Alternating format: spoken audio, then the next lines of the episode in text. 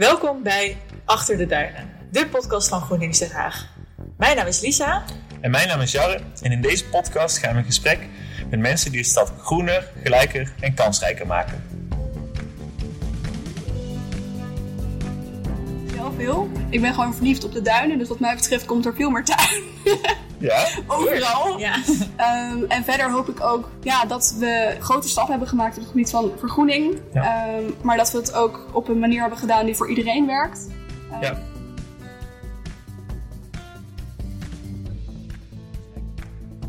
En vandaag spreken we met Nele Boelens. Nele is voorzitter van Jongeren Milieu Actief en dat is de jongerenafdeling van Milieudefensie. Welkom Nele, leuk dat je er bent. Ja, dankjewel. En kijk, de intro ging echt vet goed volgens mij, dus dat is heel chill. Kijk. Yes! Eh, om maar eh, gelijk te vragen, wat, wat doet Jongeren Milieu Actief? Nou, daar vraag je direct wel veel natuurlijk, want eh, elke organisatie is altijd met zoveel bezig. In ieder geval zeker jongeren, die schiet altijd een beetje alle kanten op, maar dat is ook leuk.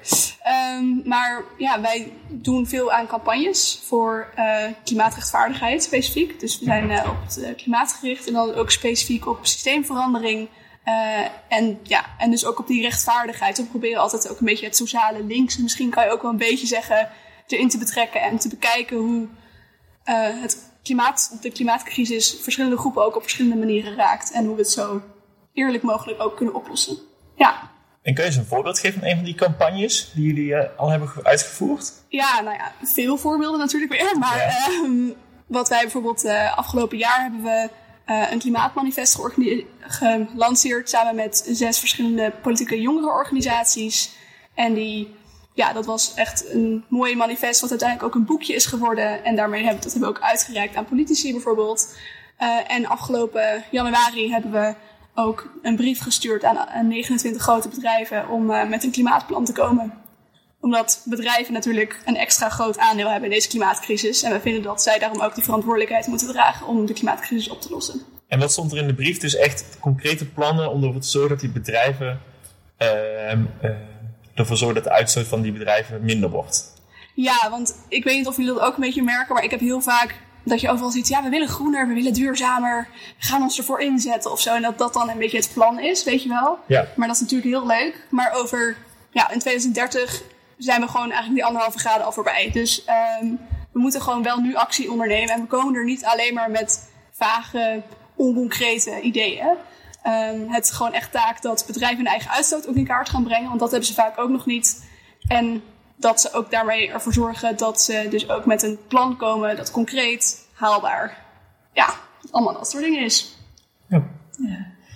Eh, ik ben benieuwd, want je werkt, of je bent voorzitter van de jongerenafdeling van Milieudefensie. Nou kennen we bij GroenLinks natuurlijk ook jongerenafdeling die eh, eh, ook los opereert van GroenLinks. Hoe zit dat bij Milieudefensie? Zijn jullie echt verwant aan hen of heb je, vaar je ook je eigen koers als jongerenmilieu actief?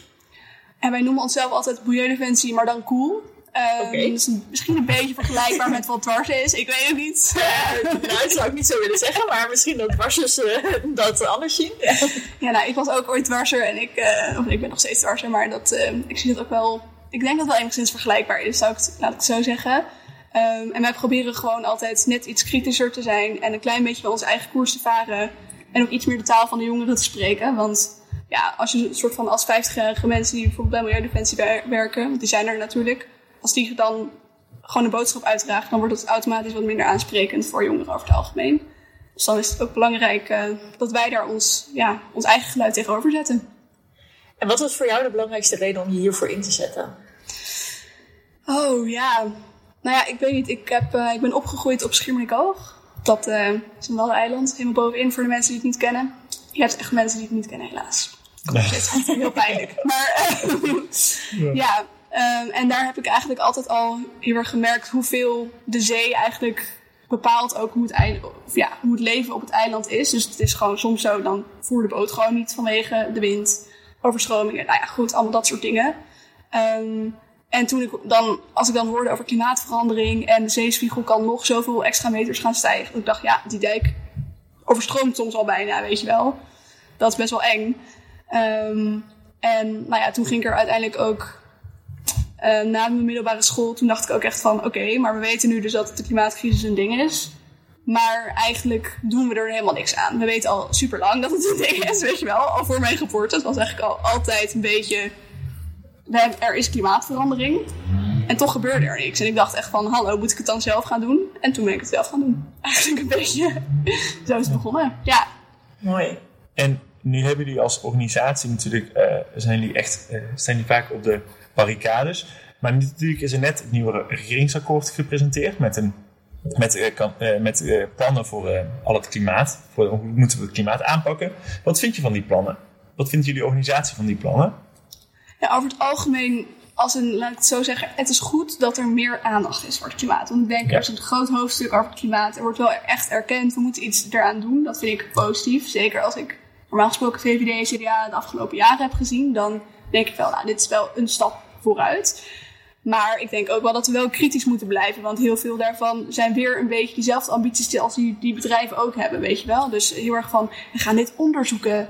We gaan, of we stellen geld beschikbaar. ehm, en ook heel veel geld beschikbaar aan bedrijven. Maar we hebben ook eerder al gezien, gewoon in de afgelopen jaren, dat als je subsidies voor bijvoorbeeld groene alternatieven, als je die aan bedrijven geeft, dat dan daarvan ook weer een deel gewoon in fossiele energie bijvoorbeeld wordt gestoken en dergelijke. Of Ja. aan bonussen voor de CEO's. Dus ik, voor mij is het gewoon nog niet goed genoeg eigenlijk. En het moet wel goed genoeg zijn, want anders dan kunnen we niet meer leven op deze aarde. Dus En wat Ja. zou je dan, wat zou je bijvoorbeeld ook voor GroenLinks of andere oppositiepartijen mee willen geven? Daar moeten ze meteen een punt van maken, zodat dat in ieder geval geregeld is op het klimaat. Dat is een, is een goede eerste grote stap. Ja, ik denk gewoon echt meer regels voor bedrijven opleggen. Ik denk dat dat Ja. echt het belangrijkste is. Want ik zie heel vaak in de politiek dat het wordt gegooid op het individuele. En we moeten de burgers bewegen om dit te doen. Ehm, maar daarmee maken we gewoon echt niet groot genoeg stappen. En daarvoor hebben we echt die bedrijven nodig. Want er zijn geloof ik genoeg bedrijven die meer uitstoten dan verschillende landen. Dus als we echt die slag willen slaan en als we echt ja, die deadline willen halen, dan moet Ja. ja, er iets veranderen aan die bedrijven. Ik vraag me ook wel af, eh, het klimaatprobleem is natuurlijk echt bij uitstek een wereldwijd probleem. Dat gaan we ook als Nederland niet eh, in ons eentje kunnen oplossen. Hebben jullie contact met andere organisaties in Europa? Verritsen jullie ook op de Europese Unie? Of hebben jullie wel echt een, een nationale insteek? En wij proberen wel echt nationaal een beetje te werken, ook om het apart te houden, laat ik het zo kan ik zeggen. me voorstellen hoor. Ja. Want anders is het super groot.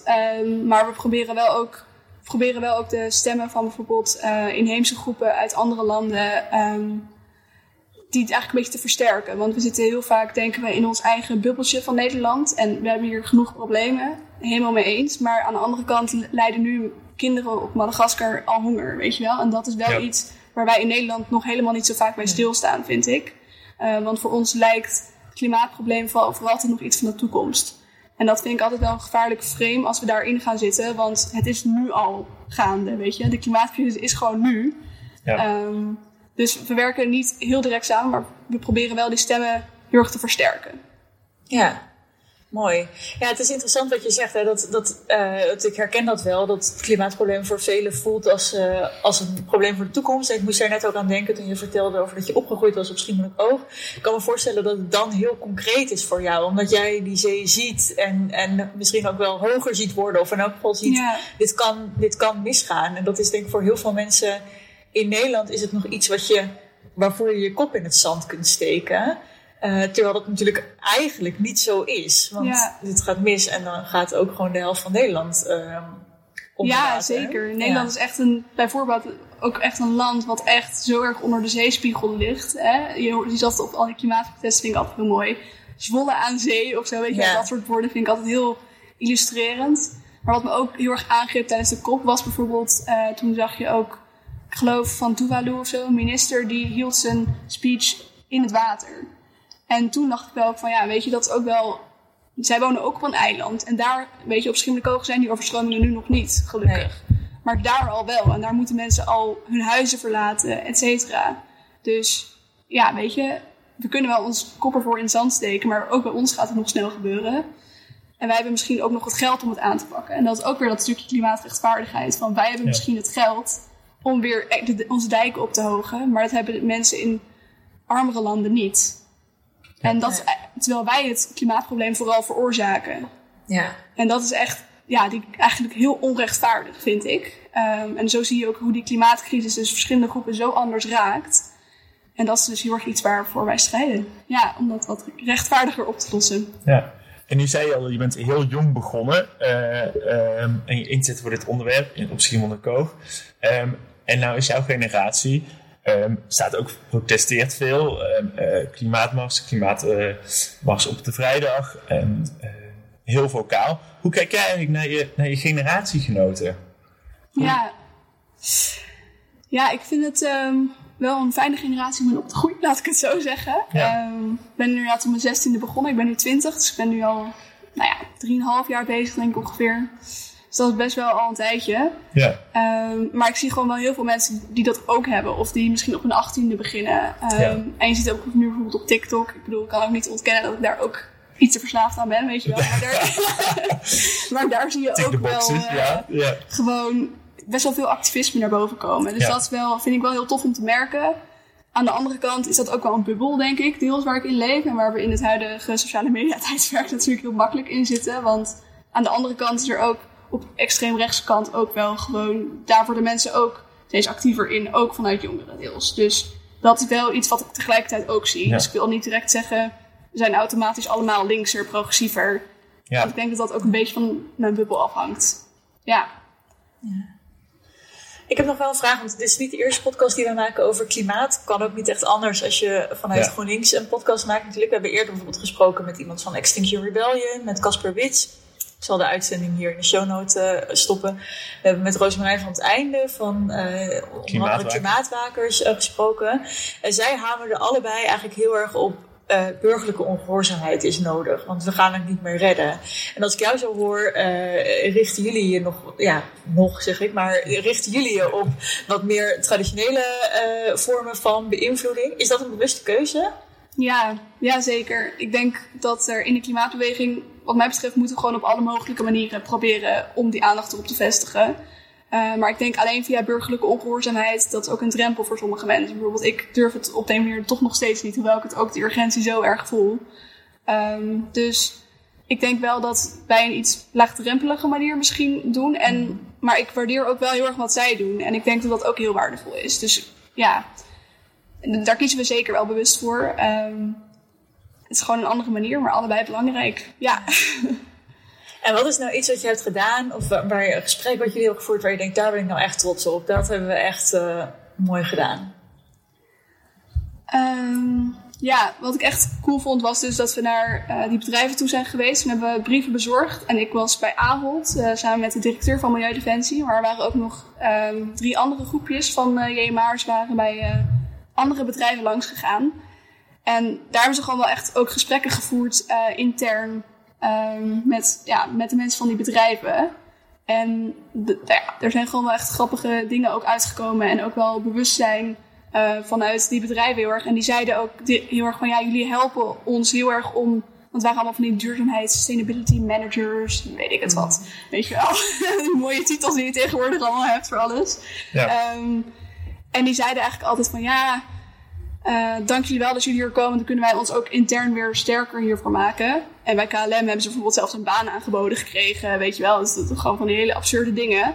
Ehm, en ik geloof alsnog wel dat het wel greenwashing was. En ik denk altijd eerst zien dan geloven. Maar ik vind het wel cool dat we daar hebben mogen zitten. En dat we wel die impact hebben gemaakt. En je merkt ook wel echt dat bedrijven daar heel nerveus van werden. Dus dat vind ik wel heel leuk. Ja, Dat maakt mij weer blij. zeker. Een, st- een vorm van eh burgerlijke ongehoorzaamheid, maar dan misschien wat ietsje braver dan de... Nou, het is ook wel goede pressure. Ja, en zeker, eh, ja. uiteindelijk leidt dat tot mooie dingen. Ja. ja, zeker. En nu, nu eh, wonen we in de stad Den Haag. Je bent ook een inwoner van deze stad. En eh, nou, het is een, een, een segregeerde stad. Je hebt eh, mooie delen in Den Haag waar heel veel groen is. En je zou willen dat dat overal in de stad het geval zou zijn. Hoe zou jij nou je mede-jongeren in Den Haag, eh, misschien ook middelbare studenten, middelbare scholieren en studenten, willen betrekken om eh, nou, misschien bewust te worden van dit probleem, van het klimaatprobleem, maar ook juist te activeren? Wat zou jij daar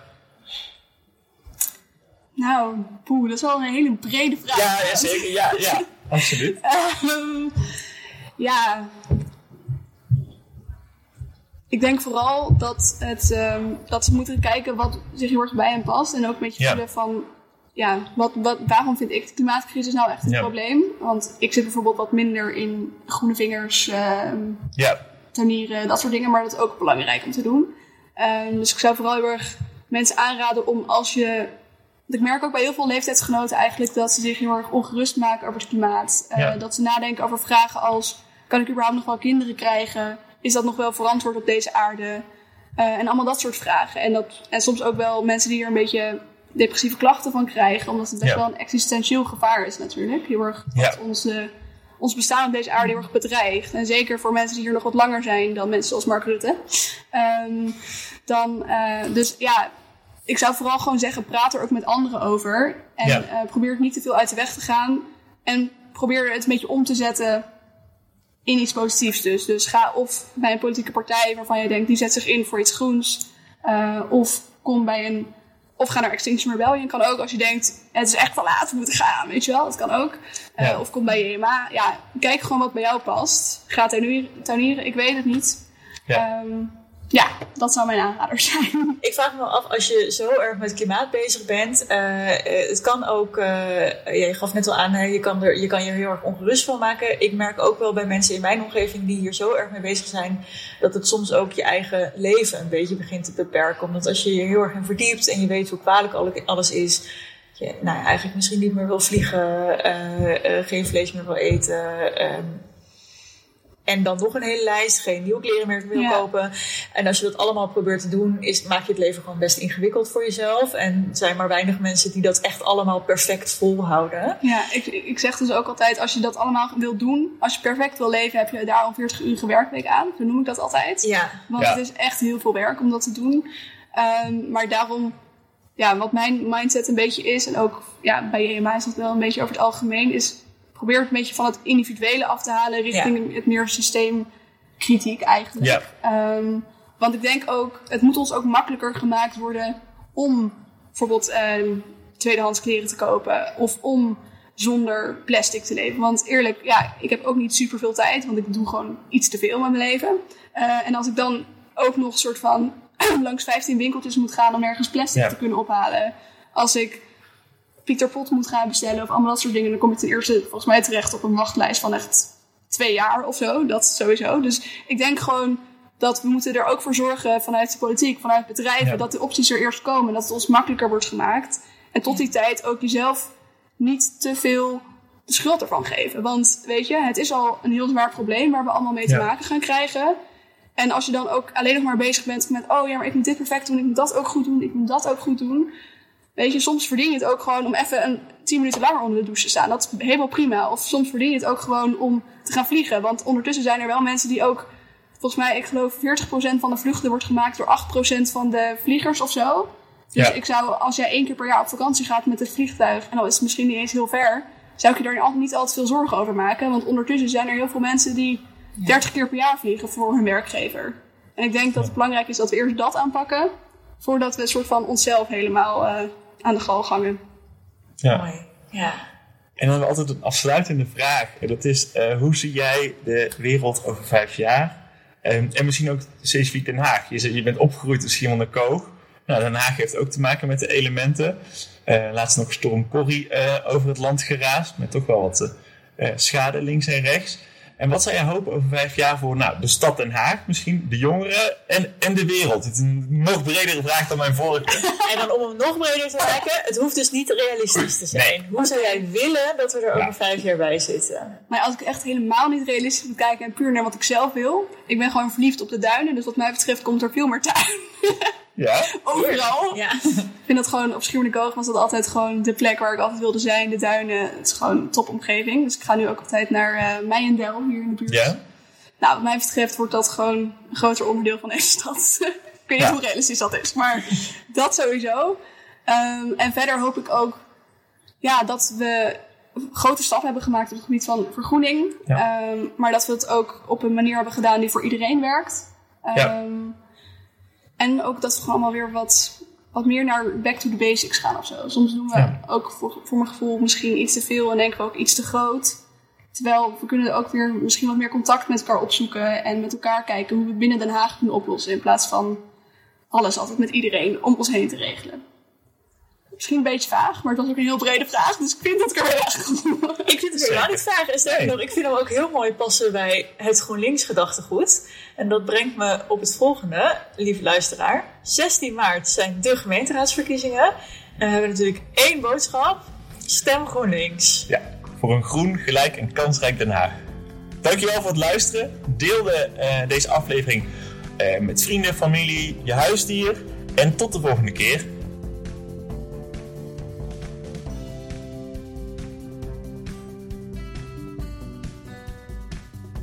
Achter de Duinen wordt geproduceerd door GroenLinks Den Haag. En de muziek van deze aflevering is van de Blue Dot Sessions.